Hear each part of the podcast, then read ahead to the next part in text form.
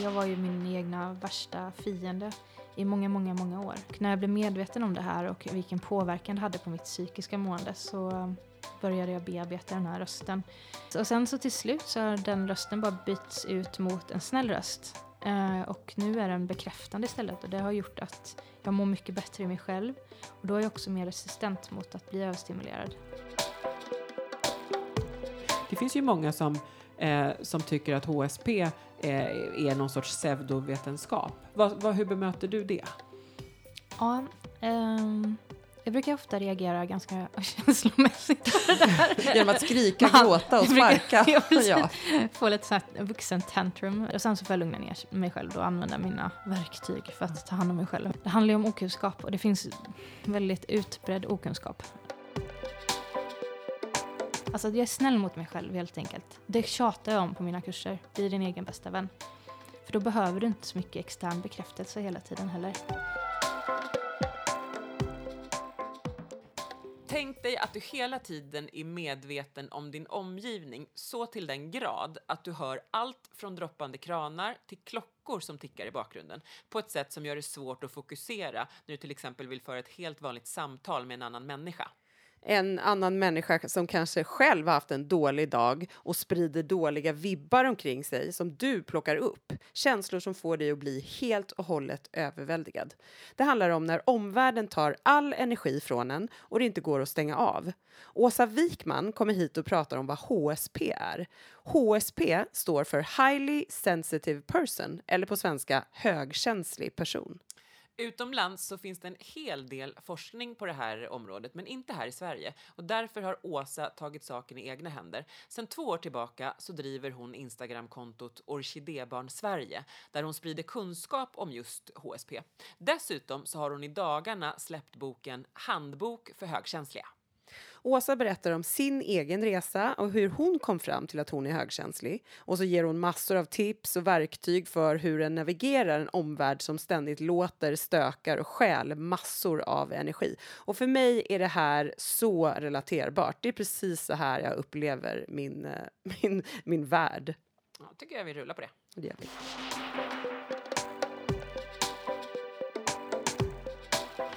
Välkommen hit, Åsa Wikman. Hej. Hej. Eh, du är expert på högkänslighet som, och kommer ut med en ny bok i dagarna och driver omåttligt populära eh, Instagramkontot Orkidébarn Sverige som syftar till att sprida kunskap om HSP. Kan inte du börja med att berätta vem du är lite mer och vad du gör? Ja, eh, jag heter Åsa då, Wikman och jag är socionom i botten. Mamma, jag vet inte vilken ordning man ska säga alla de här sakerna men fru det är Johan. Eh, men eh, jag är också, kan man säga, självutnämnd högkänslighetsexpert.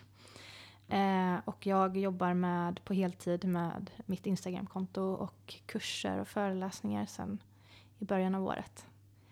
Eh, och mitt, man, drivet i mitt liv är att så många som möjligt ska ha samma förutsättningar som jag har haft i samband med liksom, kunskapen om högkänslighet. Och få samma ja, men samma förutsättningar helt enkelt. Men ska Så vi, det är det som driver mig framåt. Ska vi börja med att prata, vad är orkidébarn?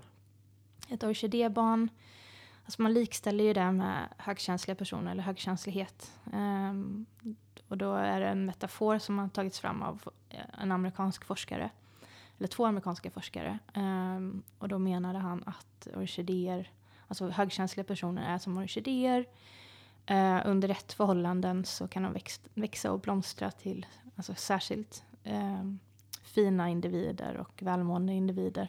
Men om de växer upp med personer som inte har gröna fingrar eller under dåliga förutsättningar så vissnar de lättare också.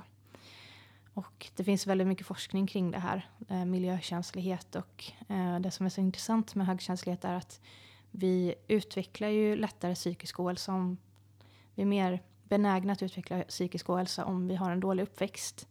Eh, men har vi en någorlunda bra uppväxt så kan vi verkligen dra fördel av vår eh, miljö. Och även att vi svarar bättre på interventioner som behandling, terapi och så vidare. Och det är väldigt intressant tycker jag. Och det är väldigt, en väldig fördel också. Berätta igen, vad är eller vad står HSP för? HSP står för Highly Sensitive Person på engelska. Det är en eh, amerikansk eh, forskare, eller en amerikansk forskare och hennes man. Jag tycker att han nämns lite dåligt. För att det är Elaine Aron och Arthur Aron som skrev den första eh, forskningsartikeln 96. Jag tror inte den publicerades då, men ja, i slutet av 90-talet. Eh, och sen så skrev Elaine boken. Jag är, lite, jag är väldigt intresserad av att höra varför det var hon som skrev boken och inte han också. För det nämns, jag tycker bara att hon nämns, men ja, han var med på den artikeln i alla fall. Eh, och då myntade de begreppet highly sensitive person eh, high sensitivity och sensory processing sensitivity som är det vetenskapliga begreppet. Så är man intresserad av att läsa om forskningsstudier eh, så ska man söka på sensory processing sensitivity. Um, det är många som inte vet om det här begreppet och söker man på högkänslighet så kommer det inte upp så jättemycket forskning. Det uh, finns inte jättemycket forskning här i Sverige, även om lite finns. Um, Ja, Den mesta tappade jag forskningen är på engelska. Alltså ja. Måste, vad säger Diana, vad heter det på engelska? Uh, sensory processing sensitivity. Sensory processing sensitivity. Ja, mm, men det är ju ganska viktigt om man ska söka. Det finns mest, på, det skrivs på engelska, men de kommer, det finns forskningsstudier som bedrivs i USA, i Japan, i, alltså i hela världen. Um, på fast man, de kommer ut på engelska då. Hur är det att vara högkänslig? hur det är att vara högkänslig. Um, eller hur man vet att man är högkänslig. Båda? Kanske båda. Ja. Um, ja, alltså vi tenderar att tänka väldigt mycket, alltså övertänka, att bearbeta saker och ting på djupet. Det upprepar jag hundra gånger i boken. Uh, och um, vi lägger märke till väldigt mycket runt omkring oss. Um, till exempel tonläge, stämning, kroppsspråk. Mycket som inte sägs Um, men även lite små detaljer som att en klocka tickar, någon smaskar eller vad det nu kan vara. Uh, och e, eftersom att vi tar liksom in så himla mycket runt omkring oss och även har hög empati och emotionell mottaglighet har man översatt det till på svenska. Men också, det är egentligen en bättre översättning, emotionell reaktivitet. Så tenderar vi också lättare att bli överstimulerade. Och överstimulans kan ju ta sig uttryck i allt möjligt. Alltså yrsel, huvudvärk, eh, känslor av dissociation, svårt ord att säga. Mm. Eh, irritation, ja, ilska, trötthet eh, och, så, och, så, vidare. Eh, och, ehm, men alltså det finns ju, alla våra egenskaper är både en fördel och en utmaning beroende på hur vi använder det. Um, att övertänka eller att tänka väldigt mycket är ju, gör ju oss väldigt analytiska i våra arbeten och att vi kanske, alltså vi har hög eh, intuition, att vi kan ta beslut baserat på saker som vi inte ens liksom, ja men på vårt omedvetna, att vi har lagt samman massa saker som vi har varit med om och liksom omedvetet bearbetat det och tar ett jättebra beslut. Uh, men, och vår empati gör, oss, alltså, gör att vi kan skapa djupa relationer och ha eh, djupa band med andra människor. Men samtidigt så gör empatin, om vi inte tar hand om oss själva, kan den göra att vi inte sätter gränser, att vi tar på oss andras känslor, att vi lätt går ner oss i andras eh, missöden kan man säga. Och det här med att lägga till märket till liksom olika saker. Det detaljseende är jättebra i många olika avseenden. Men det kan bli jobbigt. Eh, eftersom att vi lättare då blir överstimulerade. Överstimulans i sig är inte så positivt. Så därför ska man ju försöka undvika. Ja, nej, men jag alltså, förlåt, jag blev tvungen att dra någon form av lättnadens suck. Alltså varje gång jag hör någon, nu har inte jag hört någon som har pratat om det så här tydligt som dig. Nu har jag följt ditt konto ganska länge så att jag vet ju liksom. Men jag känner mig så sedd va? alltså, kan vi ta en tyst minut för hur jävla sedd jag känner mig just nu? Fy fan.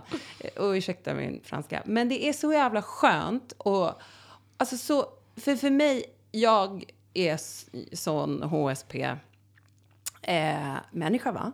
Så att för mig känns det, när du säger alla de här grejerna, ett, att man blir så validerad och bara så här, ja, du är inte ensam i världen. För mig har det känts som att stå i en, ork många gånger, mm. att så här, komma till jobbet kunde vara som att, att stå i en orkan av allas känslor i hela rummet, eh, ens egna känslor, Eh, ja, men alltså, an, när jag säger alla andras känslor så kunde det ju också vara förmodade känslor för att jag kan ju inte läsa tankar, jag kan bara utgå från deras kroppsspråk och deras liksom Mm. så här. Men att hur mycket det påverkar en och hur man direkt så här, innan man ens hade satt sig vid skrivbordet kunde ha spänningshuvudvärk för att man bara åh, nu är det Mm. någon som har bråkat med sin man. Eller du vet så här, att man bara läser allt som, som händer liksom. Mm. Ehm, så, och jag, det är så många där ute som har, som verkar ha det här. Vad, kan man säga någonting om vad som ligger bakom eh, det? Alltså hur det uppstår? Ja, ehm, ja men man föds ju med det. Det här Ja. extra känsliga nervsystemet. Och man har ju sett att våra hjärnor fungerar på ett annorlunda sätt. Och hur den där genetik, alltså hur det ser ut, om det hoppar från generation till generation eller hur, just hur det ser ut, det vet jag inte. Men vi föds med det och sen så påverkas vi väldigt mycket av vår miljö. Så man brukar säga att 50 procent av hur vår högkänslighet tar sig uttryck har med eh, våra gener att göra och sen resterande 50 procent ungefär eh, har mycket med, har med miljön att göra. Så har vi en, en utmanande miljö eh, då finns det ju större risk att eh, våra egenskaper kommer fram på ett negativt sätt. Eh, att vi kanske inte har lärt oss att sätta gränser, ta hand om oss själva, att vi utvecklat psykisk ohälsa. Så det har både med gener, vi föds med det, men det har också med miljö att göra. Mm. Så sen är vi så mycket mer än högkänsliga också, vi är så mycket annat. Och vi har alla våra, våra ryggsäckar och, och så vidare. Så att eh, hur, en, hur högkänslighet tar sig uttryck hos en individ eh, skiljer sig från en annan. Liksom, det finns inte lika. Det är så olika. Jag har ju två barn och båda är högkänsliga. Men ena är ju så här extra allt, extra allt högkänslig, jag vet inte. Eh, och den andra, han, alltså det, det tar sig uttryck på helt olika sätt. Och så är hon extrovert och min son är väl lite mer introvert. Och med Isabella är det ju alltså hela tiden att man måste se till att hon ligger på en balans, att hon inte är understimulerad, inte överstimulerad. Och, Och då måste du hjälpa henne att balansera ja, hela tiden. Hur gör du det? Eh, igår så sa jag nej till kompis i skolan. Då låg hon och skrek i kapprummet. Och sen bar jag in henne i bilen. Ledsen och grät. Men hur, hur hon, gammal är hon? hon är sju. Mm. Men hon orkar inte. För att det blir liksom för mycket för henne. Eh, så att säga nej till kompisar ibland. Vissa kompisar tar ju lite mer energi, andra ger lite mer energi. Eh, försöka få henne i säng, för, tvinga henne att vila ibland. Mm, Tvinga henne att kolla på iPad. Alltså det låter ju hemskt men hon sitter inte still annars.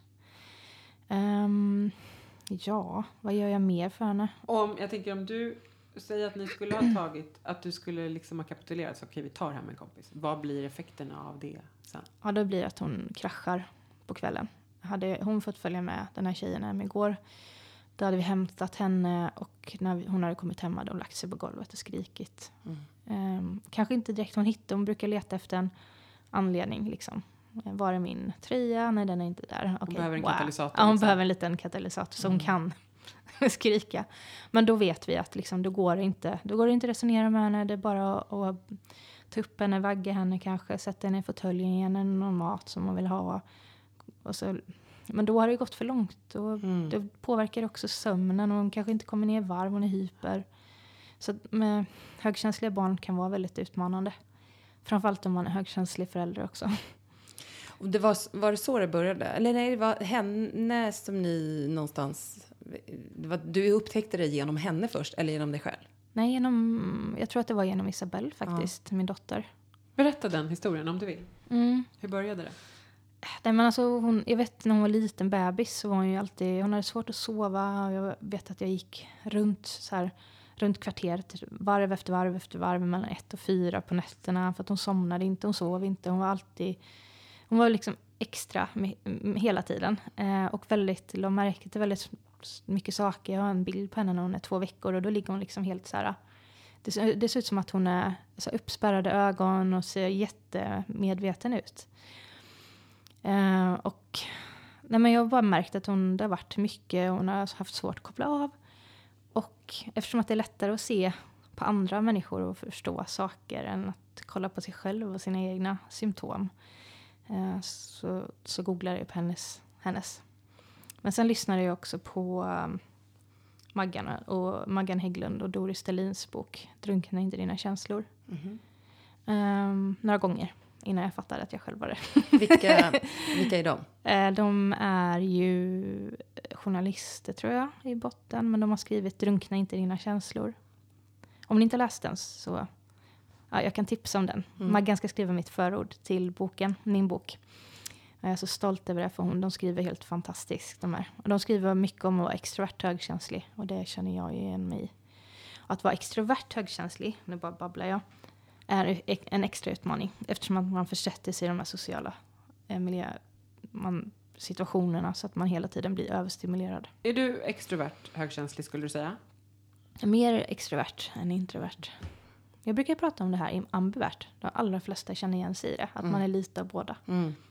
Skulle jag säga att jag var lite mer introvert nu än vad jag var när jag var yngre. Men då behövde jag så mycket bekräftelse hela tiden. Så jag sökte mig utåt för att få bekräftelse. Och sen blev jag helt... Ja, det är så många komponenter där som gjorde att jag mådde dåligt. Det tror jag väldigt många kan känna igen sig i, den där bekräftelsecirkusen. Liksom. Mm. Men ehm, nu kämpar jag verkligen för att inte ställa exakt alla frågor samtidigt.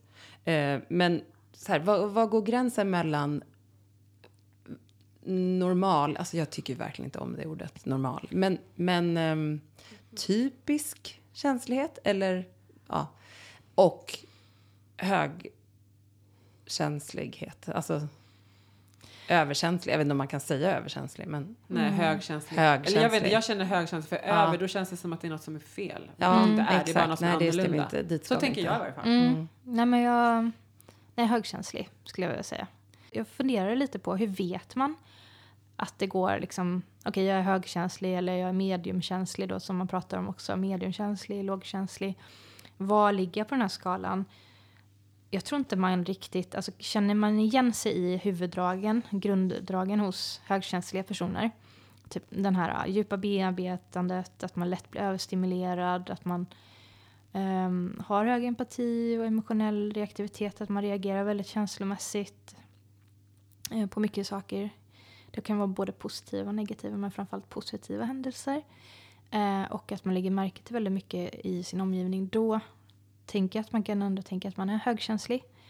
Och sen så kan man ställa sig frågan, vad spelar det för någon roll egentligen? Om jag är högkänslig, mediumkänslig eh, eller någonstans mittemellan. Det viktigaste är att jag vet hur jag ska ta hand om mig själv. Mm. Sen kan det vara skönt att ha ett ord för vad man är. Jag vet, Mm. det är många som så här vill ha en diagnos eller vill veta, är jag det eller inte? Ja eller nej? Svara, Mm. svara, svara ärligt, ja eller nej. Liksom. Mm. Nej, jag vet inte. Alltså, du får känna igen dig i det i så fall. Och så, det kan vara skönt att säga att man är högkänslig. En del att säga att de har orkidébarn och sådär. Att det är något fint i det. Det finns ju många som, eh, som tycker att HSP eh, är någon sorts pseudovetenskap. Vad, vad, hur bemöter du det? Ja, ehm, jag brukar ofta reagera ganska känslomässigt på det där. Genom att skrika, Man- gråta och jag brukar- sparka. Ja, ja. Få lite sånt här vuxen tantrum. Nej men jag, ja, där får jag faktiskt, jag känner, ehm, ja men det var verkligen ärligt sagt av mig. Men jag kan, där, kan, där kan jag gå igång lite på. För att det handlar om, och sen samtidigt, och sen så får jag lugna ner mig själv då och använda mina verktyg för att ta hand om mig själv. Men vad säger du då? Om du Ja, är så här, jag lite ofiltrerad. Lite, ja, det är att, att, eh, nej jag säger så här att det, det, det är okunskap. Det finns mycket forskning. Du får söka på det här ordet, sensory processing sensitivity, om du är intresserad av, intresserad av att läsa om forskningen. Det handlar ju om okunskap och det finns väldigt utbredd okunskap. I min eh, psykiater, jag har en psykiater som jag går till, han tror inte på HS, han tror inte på högkänslighet, det är ingen liksom diagnos, det finns inte hit och dit. Eh, men och det, i, i Sverige kanske det inte finns tillräckligt, tillräckligt med kunskap och det kanske det inte gör i resten av världen heller. Men jag tror att man ligger lite efter bara. Att jag hoppas att jag kan ha den rollen, att jag får ut forskningen. forskningen för att nu nämner jag min bok hela tiden, men det är så aktuellt. Men där har jag tagit med väldigt mycket forskning. Eh, så att jag tror att det har, det har med okunskap att göra. Jag har till och med sett det i kursböcker för psykoterapeuter. Att, ja, högkäns det här kan eh, jämföras med HSP eller högkänslighet, men det finns ingen vetenskaplig forskning om det. Och den skrevs 2018, tror jag, den boken som jag tittar i. Och då, blir jag, då går jag också igång på liksom alla cylindrar. Vad, hur kan hon skriva så som en psykolog? Kan man inte kolla upp det bara? Finns det någon forskning? Alltså, sök på det engelska ordet och sen så kan man hitta hur lätt som helst. För mig är det så här, skygglappar och okunskap. Hur kommunicerar du med din psykiater? Om ni ser så Precis, olika om, om, om hen bara så här, På jag ska, Nej, jag det här jag, finns inte. Nej, jag vet. Jag ska nog byta. Han är snäll, men jag ska nog byta. Men ändå. gud vad skönt att vi kom fram till det här. Nu tycker jag vi tar upp telefonen och ringer honom och säger du har gjort ditt. Vi, tusen tack för allt. Nej, det är lite Ingenting. konstigt faktiskt. Man behöver egentligen ha den lilla... Det är inget tips då. Om man ska, om man ska gå och träffa en som högkänslig, en terapeut eller en psykiater, eller, då är det bra om framförallt terapeuten eh, har kunskap om högkänslighet eftersom att det är så stor del av vår personlighet. Men som sagt, för det jag hör dig säga är i min hjärna så, så hör jag. Jag tycker att det här tangerar ganska mycket eh, NPF, Mm. alltså neuropsykiatriska eh, funktionsvariationer. Eh, Mm. Vad skulle du säga är skillnaden mellan HSP och diagnoser som, nu är inte de här likadana, eller det är ju många olika, men ADD, ADHD, autism och så vidare som är också såklart väl olika diagnoser, de är ju inte en och samma, men du förstår vad jag försöker säga. Mm. Och, eh, det är ju en alltså, väldigt svår fråga och det är en lite laddad fråga. Eh, framförallt autism då som eh, en del menar är lite samma. Eller egentligen att HSP är något finare än autism och ja, att det är egentligen samma sak. Eh, men det är det inte. Alltså det, är en, det som är...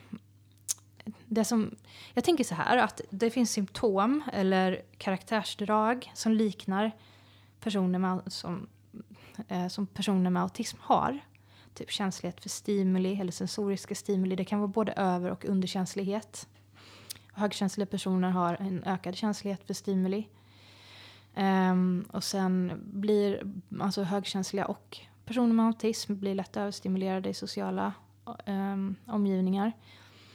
Men sen är det, alltså um, autism till exempel har ju med social interaktion att göra. En lite alltså, bristande förmåga i sociala situationer. Men en utav, um, vad ska man säga, um, kriterierna eller vad man ska kalla det för, för autism är ju att man Markörer. markörerna är att, att, eh, att det ibland, inte alltid, är svårt att läsa sociala koder. Ja. Att man inte förstår kanske vad eh, ett ansiktsuttryck eh, betyder om en människa ser glad eller, eh, eller ledsen och att man har svårt att, att, att avkoda det. Och då tänker jag, och då frågar jag dig, för folk med HSP har inte den utmaningen. Nej, det är tvärtom faktiskt. Och jag vill också bara vara väldigt tydlig med att det inte gäller för alla människor med Nej, autism. nej. Utan Har man det är träffat- ett spektrum. Har man Ja. träffat en autistisk person, har man träffat en autistisk person. Som vi brukar säga i den här Amen podden. i- Och så vidare. Ja. Förlåt. In på HSP igen. Nej men jag tänker, eh, jag tycker det är intressant att höra dig berätta om hur det känns. För att vi kan prata om det på pappret och det Oj, finns här massa, det finns massa ehm, Ja men att man liksom, det finns så här, ja så här och så här är det och så vidare, massa bullet points och klickar du med det här så är det förmodligen det. Men jag tycker det är intressant att höra eh, hur det känns att du säger så här, du sitter i ett rum, eh, du pratar med eh, någon men du hör samtidigt hur klockan tickar högt på väggen och så vidare. För mig låter det låter som att man blir väldigt, väldigt trött. Ja. Och som du sagt med den här överstimuleringen Mm. och så vidare. Vad, eh, vad har du för verktyg? Vad har jag för några verktyg? Eh, för att undvika överstimulans Vi tar, kan börja med det. Ehm, ja, men för att undvika det så ser jag till att sova ordentligt. Alltså där, jag behöver sova minst åtta timmar per natt. Eh, och det är inte så lätt som så här, småbarnsförälder. Nu funkar det ju för nu sover de på nätterna. Men sova ordentligt, göra saker som jag får energi av. Eh, och se till att Alltså det här hjälper också att prata snällt med sig själv. Att inte vara, jag var ju min egna värsta fiende i många, många, många år. Hela dagarna gick jag runt och sa åh vad du är dum, korkad, ful. Um, liksom var, varje dag, det var som att en liten elak röst satt på axeln liksom, och viskade taskiga saker till mig. Uh, och när jag blev medveten om det här och vilken påverkan det hade på mitt psykiska mående så började jag bearbeta den här rösten. Eh, och byta ut så här, nej men du är inte alls. Till början var det typ, du är dum, gud vad dum i, du är dum i huvudet. Eller de här vanliga. Som jag tänkte eller sa till mig själv. Ibland kan jag till och med säga det högt, ah du är dum i huvudet. Eller någonting. Nej, du är inte alls dum. Du är bara trött eller du... Ja, du är inte dum, det räcker liksom. Det behöver inte vara en lång ut... Ja. Jag vet inte vad du är, men men dum dum är du inte. till Ja, det. Du, du är bara Ja. trött, så kan det vara så bara. Eller Men, ja, precis. Och sen så till slut så har den rösten bara bytts ut mot en snäll röst. Eh, och nu är den bekräftande istället. Och det har gjort att jag mår mycket bättre i mig själv. Och då är jag också mer resistent mot att bli överstimulerad. Eh, så jag, då klarar jag sociala situationer bättre. Eh, vad jag tänkte på? Jo, jag var, i morse var vi, jag måste bara ta ett exempel. Vi var hos en läkare för min son har ett nevus sebaceus heter det på kinden ett så här stort födelsemärke som är väldigt ovanligt. Så hade han fått en utväxt och nu de senaste veckorna har jag bara tänkt så här, så fort jag börjar oroa mig för det, för att läser man på changes, så här, nevus sebaceus, då får man ju upp allt möjligt. Så fort liksom, det har kommit upp så har jag bara tänkt, nej, nej nu släpper jag det, nu släpper jag det. Eh, men ja, så var jag ju såklart orolig i morse och så fick jag vid samma läkare som vi hade sist, hon och jag tittade bara på varandra så här. Vi gillar inte varandra. Vi fick ingen bra, jag gillar nästan alla människor, men hon och jag fick ingen bra connection. Så fort man säger någonting så typ säger hon någonting tillbaka. Så här. Eh, vad sa jag? Eh, ja men eh, vill ni ta bort den? Ja det är en vårta var det då som hade vuxit ut. Vill ni ta bort den? Jag bara ja det vill vi. Ja men nu frågar jag ju din son. Bara, Nej men han är fem år, han får faktiskt inte bestämma det. så här. Det var varenda grej jag sa hade hon en sak emot. Här. Klippa naglarna skulle jag göra på honom så att han inte kliar i det här. Och, uh, han, ja, det var typ, då, av de tio orden vi utbytte där under de minuterna så var det liksom åtta ord någonting emot mig. Det var det inget, Det inget skav liksom. Irriterande, allt liksom var fel. Eh, så att jag gick därifrån och så tänkte jag, gud vilken dålig mamma jag är. Nej, det är jag inte. Hon har bara den jargongen som inte är jättetrevlig. Och den, ja, vi skaver liksom. Det skaver när vi träffas. Eh, och då använder jag mina verktyg. Jag är visst en bra mamma. Eh, så här, hon är bara liksom, hon har en annan typ av... Eh, hon menar säkert inte illa. Det är hennes sätt att vara. Och bara börja använda mig av de här medvetna strategierna istället för bara gud, jag är en dålig mamma, jag är en dålig mamma, varför såg jag inte det här, varför tog jag inte hand om hans vårta på foten då som han hade haft, för det var hon ju på mig om också. Måste pensla på den och det är därför han har fått här. Och, ja men det var 50 saker på de här minuterna. Det gjorde ju att jag har lite mer energi resten av dagen då, när jag inte är på mig själv. Alltså jag är snäll mot mig själv helt enkelt. Det tjatar jag om på mina kurser. Bli din egen bästa vän. För då behöver du inte så mycket extern bekräftelse hela tiden heller. Och du är mer motståndskraftig mot alla känslor, alla människor och tittar något surt på dig. Eller jag var på föräldramöte häromdagen och det var lite sura mammor. Mm, det är lite irriterande i några, någon timma när jag kom hem. Men sen så kunde jag släppa det. Hade det varit för ett år sedan då hade jag varit irriterad i flera dagar och ledsen och sur. För eh, att någon hade sagt någonting. Men pratar du med dig själv då? Och, och liksom Ja, dissekerar Typ situationen? inre. Ja, typ inre dialog har jag. Som gör mig ja, mycket mer välmående. Det är stor skillnad. Det är stor, många högkänsliga personer är väldigt självkritiska. Vi har fått höra liksom att vi är känsliga och vi är för mycket och vi ska liksom vara hit på ett sätt som kanske inte är vi själva. Um, och då har vi också internaliserat den här, äh, gjort den till liksom vår egen, vi har gjort andras röster till vår egna inre kritiska röst. Och det har jag ju gjort, jag har alltid trott att jag är konstig för min pappa sa att jag var konstig. Och, och då har jag gjort det till min sanning och anledningen till att jag har få vänner är för att jag är konstig men i själva verket är det för att jag har valt bort många. Jag vill ju bara ha liksom genuina vänner som jag känner mig, att jag kan vara mig själv med och som ger lika mycket lite krav, ja jag vet inte. Ha det på ett sätt i alla fall som funkar för mig. Eh, och så nu har jag liksom omvärderat hela min kan man säga, barndom utifrån kunskapen om att jag är högkänslig. Att jag funkar på det här sättet. Anledningen till att jag gjorde så här när jag var yngre det var för att jag inte mådde bra. Eh, och förlåta mig själv lite för de här sakerna som jag har gjort. Kunde du ha så att du spelade upp saker som hade hänt Mm. i din barndom och, och precis så och bara så här, nej men varför gjorde jag så här? Alltså älta gammalt mög som egentligen inte spelar någon roll för att man gjorde det när man var barn. Precis. Och, och hur, liksom, hur känns det? eh, Hur, precis, det du gör nu då, det är att du, du på något sätt genom att vara medveten så avdramatiserar du det och Ja, tar precis. bort din skuld typ. Ja. Jag hade ju... Så jag har ju många minnen, men... Eller skam, skuld Ja, men skam. skam och Ja. skuld. Att liksom det var inte... Jag, det var ett, ett minne jag haft som har spelats upp liksom som en gammal trasig skiva lite på repeat. Så här, om och om, om igen. Och det var en fest jag hade när jag bodde i Australien och jag var 24. Eh, och då skulle jag pool, då skulle jag poolparty för att vi hade, min, mitt ex bodde i ett stort hus med pool. Eh, och jag var ju eh, alkoholpåverkad. Full.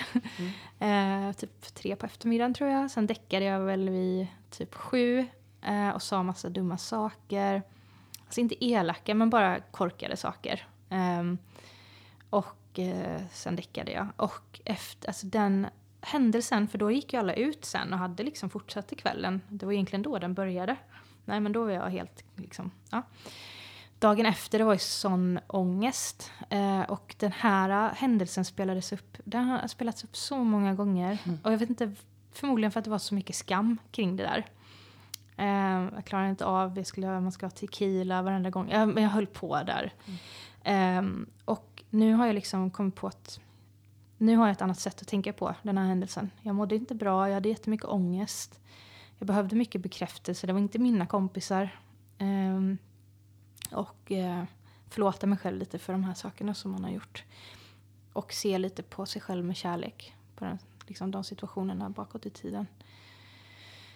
Eh, också att jag alltid stack ifrån mina... Jag har alltid varit så intresserad av killar när jag var yngre. Och jag var ganska populär. Och var jag inte, ville inte en kille ha mig så jagade jag honom. och då försvann jag alltid från tjejkompisarna. Så jag var ingen bra tjejkompis. Det var jag inte. Och det har jag också skämts för många år. Det är därför många säkert valde bort mig från början. Eh, Men också förlåter mig själv för det. För att jag behövde den här externa bekräftelsen hela tiden. Och jag ville inte sova ensam. Och att man förstår alla de här anledningarna till att varför man gjorde som man gjorde. Det betyder inte att man är en dålig människa eller konstig. Det har att göra med att man inte hade hittat sig själv helt enkelt. Åh gud, det här är Jag tycker det så låter som också så här kraftfullt. otroligt. Ja, alltså. väldigt. Och framförallt jätte... Jag tror det HSB är inte Mm. lätt att relatera till. Jag tror att det är många som har såna där eh, trasiga skivor som, som eh, spelas upp. Verkligen. Men väldigt, jag tycker inte att man pratar inte om det i den utsträckningen som man borde om att så här, nej men alla går runt med ångest till viss grad, skuld, skam och eh, de allra flesta av oss eh, hanterar det på ett eller annat sätt. Alltså det gör man ju såklart, men att man kan ju trycka bort det helt och hållet och sen så kommer det förmodligen upp sen n- någon gång under livet. Eller så hanterar man det då och liksom städar bort. Alltså det, det finns där för alla på något sätt. Men vi går runt och tror att vi är så unika och att det var bara vi som gjorde den där grejen och den här trasiga skivan. Det är bara jag som har det så här när i själva verket alla går runt med samma spöken. Eller inte samma spöken, men liknande typ av upplevelser som man har ångest över. Liksom. Alltså det är så mycket igenkänning när du pratar, även om vi inte har varit med om samma saker så kan jag verkligen se hela den där äh, bekräftelse, liksom, eh, cirkusen och hur, hur, eh, ja, men hur, hur kritisk mm, jag har varit mot mig själv och, och liksom min värsta, min egen värsta fiende på något sätt. Och utifrån så har det nog sett ut som att man säger, men hon har bra självförtroende. Eller hon, det, vadå? Ehm, Men det, det, är helt, det är tufft att höra. Och jag hör ju att du har haft det tufft. Men fan vad det finns mycket styrka i att berätta de där grejerna. Eh, inte minst för de som sitter och lyssnar och bara så, aha. det, var, det var inte bara jag. Men de här sakerna som du berättar om nu, hur ser du på dem idag? Nu tänker jag att jag var, alltså det här med händelsen, det finns ju en miljon andra saker. Eller nej, men det finns rätt mycket annat som jag liksom inte är så stolt över. Men jag, jag ser faktiskt på mig själv lite med kärlek faktiskt. Det känns jättekonstigt att säga så, men att jag försökte så mycket och kämpade och det var ändå tufft av mig att flytta ner dit och eh, att eh, ja, lära mig, nu kunde jag i och för sig engelska innan, men att kämpa på. Jag fick ändå ut, alltså jag hade mitt egna företag, jag gjorde mycket bra saker där. Fick ut mina smycken i 20 butiker i alla fall i Sydney och lärde känna fina människor. Försöker tänka på de positiva sakerna jag fick med mig. Och idag har jag mer så tacksamhet för allting jag har varit med om. Jag önskar att jag hade uppskattat allting lite mer. Eh, för nu känns det som att man har blivit lite äldre nu och uppskattar, man kan se livet på ett annat sätt. Men ja, nej men eh, så jag ser tillbaka på mitt liv lite mer med eh, snälla ögon. Med all den kunskap som du har idag och med tanke på att du sa att du satte igång och researchade ordentligt när du, när du började tänka på dina barn där och så vidare. Och så vidare. Um, kan du se tillbaka och se hur HSP har påverkat ditt liv historiskt?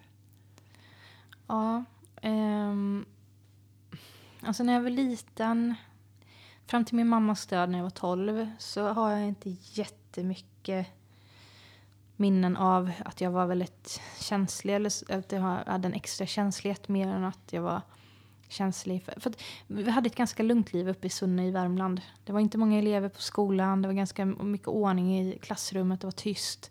Mamma hämtade oss alltid vid ett, alltså precis efter skolan slutade. Så att utan att hon var medveten om det så undvek hon överstimulans hos mig. Så det var ju bra. Eh, men sen när hon dog, då är det klart att eh, min sy alltså jag upplevde alla känslor förmodligen väldigt, väldigt mycket starkare. För jag har en syster som är icke hög, alltså inte högkänslig. Och vi har hanterat allt väldigt olika. Sen har vi ju liksom klarat oss bra på olika sätt. Eh, men jag var, jag grät ju varje dag, ett helt år. Tills jag typ inte hade några tårar kvar. Jag var alltid väldigt, väldigt orolig och känslig. Jag hade en klump i magen. Så här ångest, jättemycket ångest. Så att jag var skörare, mycket skörare. Eh, och mådde väldigt, väldigt dåligt. Men samtidigt hade jag så här en inre glöd. Annars hade jag inte överlevt liksom allt som jag var med om då. Eh, och sen så hade jag väl ett orkidébarns så här mottaglighet för positiva interventioner. För när jag fyllde, på min 18-årsdag så flyttade jag hem till min eh, familj, alltså min nya familj. Mina bonusföräldrar blev de då, den dagen. min kompis mamma och pappa. Hon kom och hämtade Ingrid och Martin och min kompis.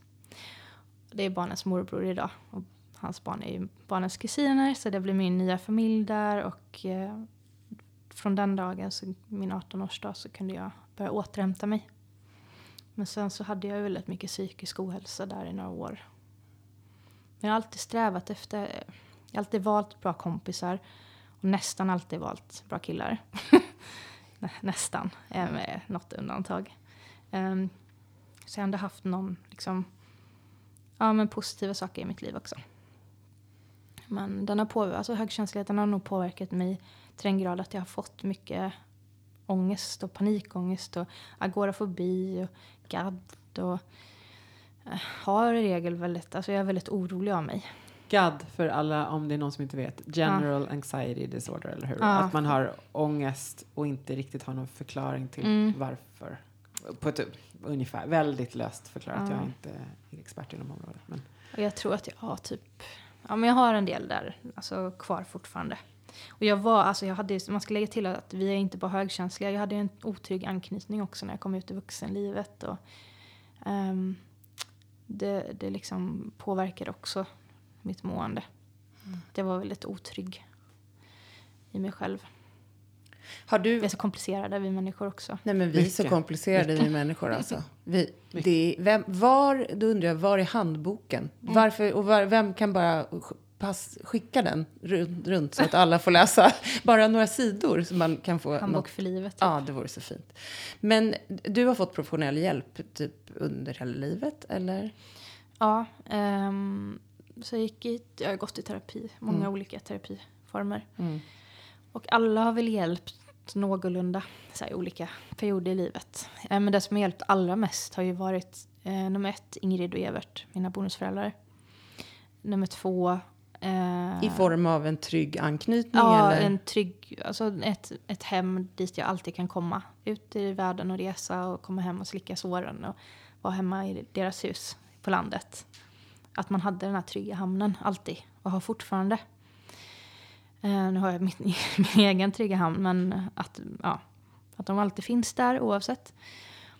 Eh, och även att Ingrid fick mig att gå till terapi och sådär. Eh, och alltid funnits där när jag har varit och flängt i, i Mexiko, Chile, Australien. Och kommit hem och gjort slut med killar, blivit ihop. Och då har hon alltid funnits där. Eh, och sen min man då, eh, som har väldigt stort tålamod och väldigt trygg.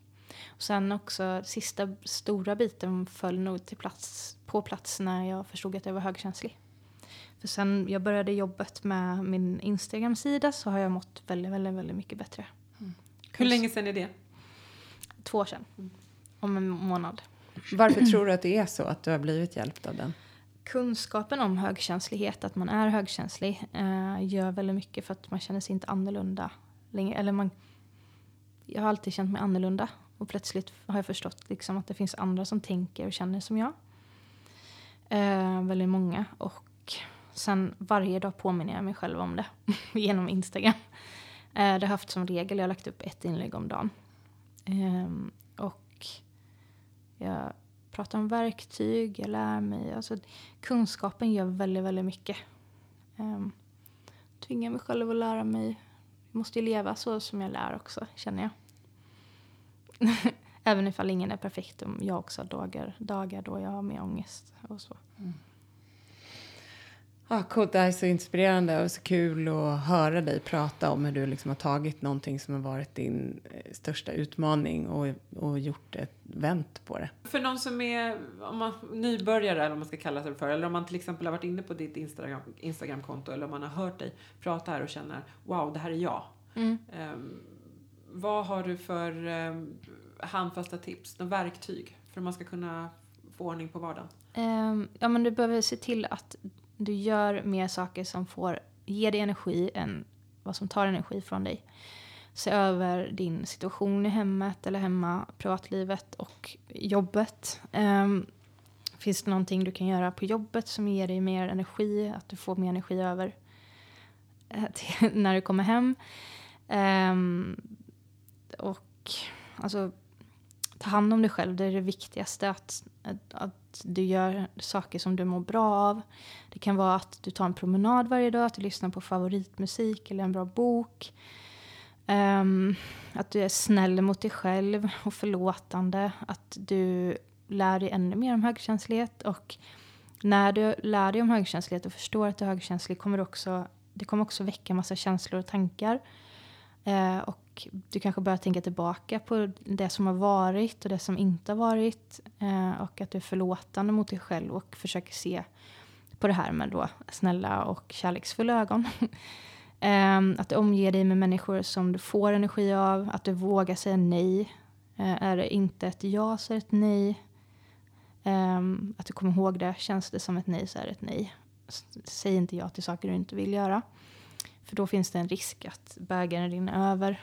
Eh, du har varit på jobbet och så säger du ja till after work eftersom att alla tjatar. Men det känns liksom att du, du, du känner med hela din kropp att du orkar inte. Då ska du välja dig själv först och säga nej. För det är ingen som kommer tacka dig sen när du är utmattad, helt enkelt. Um, vad mer? Sätta gränser, ta hand om sig själv, se till att man ligger, ha koll på ditt sociala batteri eller ditt batteri överhuvudtaget, att det aldrig hamnar på noll. Det är en bra metafor tycker jag, det här med batteri. Um, och ja, det var väl det typ. Väldigt tydlig lista. Hur gör du i en situation som idag? Du har aldrig träffat mig eller Wendy förut. Tar du, vad gör du då? Behöver du göra någonting då? Behöver du tänka något extra då? Eller kommer du bara hit och kör? Och, och framförallt, hur mår du efter? Eh, men det är lite dålig luft här. nu känner jag mig lite trött och seg i huvudet. Men jag tycker att ni, alltså, ni verkar så himla... Jag fick en bra känsla för er. Jag går på min in intuition. Så att det kändes... Jag har väl tänkt, typ, vad tänkte jag på vägen hit? Att de är snälla, typ. Att det, vi fick en bra, jag fick en bra känsla för er. Och sen känns det som att första gången jag spelade in en podd var jag supernervös. Andra gången också, men nu känns det som att efter 150, nej jag skojar bara, jag var, inne typ, jag var med i typ 6-7 poddar. Men det känns som att man har börjat komma in i det lite. Men jag går nog in lite i en roll, tror jag. Och kroppen börjar så här, det här har vi gjort förut, det är okej. Mm. Men måste Sen är du... ni, jag får en jättebra känsla här med er. Så att jag inte, jag kommer inte vara dränerad när jag går härifrån. Gud vad härligt att höra. Det är ett gott betyg. Nej, du kommer inte vara dränerad. Du måste inte gå hem och lägga dig i fosterställning och inte Nej. prata med någon. Nej, Nej, ja, kommer vad inte. Vi ska snart också öppna dörren. Ja, vi ska öppna dörren. Ja. Eh, Det är Gamla stan, så här är det i, i, i hus här. Men ehm, åh, jag, jag älskar, är det inte ett ja så är det ett nej. Mm, Åh, jag älskar det. Mm, Det himla måste inte vara, allt måste inte vara ett ja hela tiden. Nej. Alltså, det, gud vad många behöver öva på att bara säga nej, tack. Och ett nej är en hel mening. Jag älskar den, Ja. den sägningen. Så här, nej, Det det passar inte mig. Det går inte. Jag kan inte. Man behöver inte ens veta varför. Nu säger jag det här som att så här, åh, det här är självklart nej.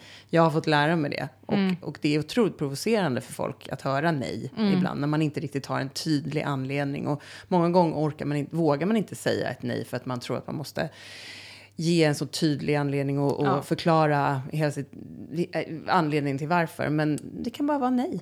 Precis. Och eh, sen tänkte jag på en annan grej. Hela den där, eh, vad heter det här? Alltså JOMO, Joy of Missing Out. Att praktisera den. Och bara så här, fan vad fint att de får vara på den här AWn. Och så här, det är more power to them. Jag sitter här och eh, Ja. rullar tummarna. Vi hörs.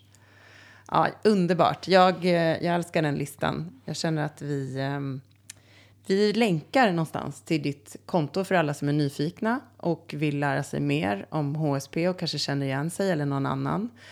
Ehm, så att de vet var de kan eh, hitta det. Och sen så kommer din bok. Vad heter boken? Handbok för högkänsliga. Mm. Kommer 21 november. Just det.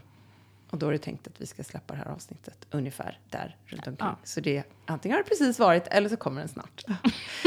Men alltså tack snälla för att du kom hit. Otroligt Tack för att jag fick komma hit. spännande Så att himla höra. spännande med er podd. All lycka till nu. Jag tror att det kommer gå jättebra. Tack Fick en snälla. jättebra känsla för det här. Gud vad härligt, det tar vi till oss. Mm. Tack.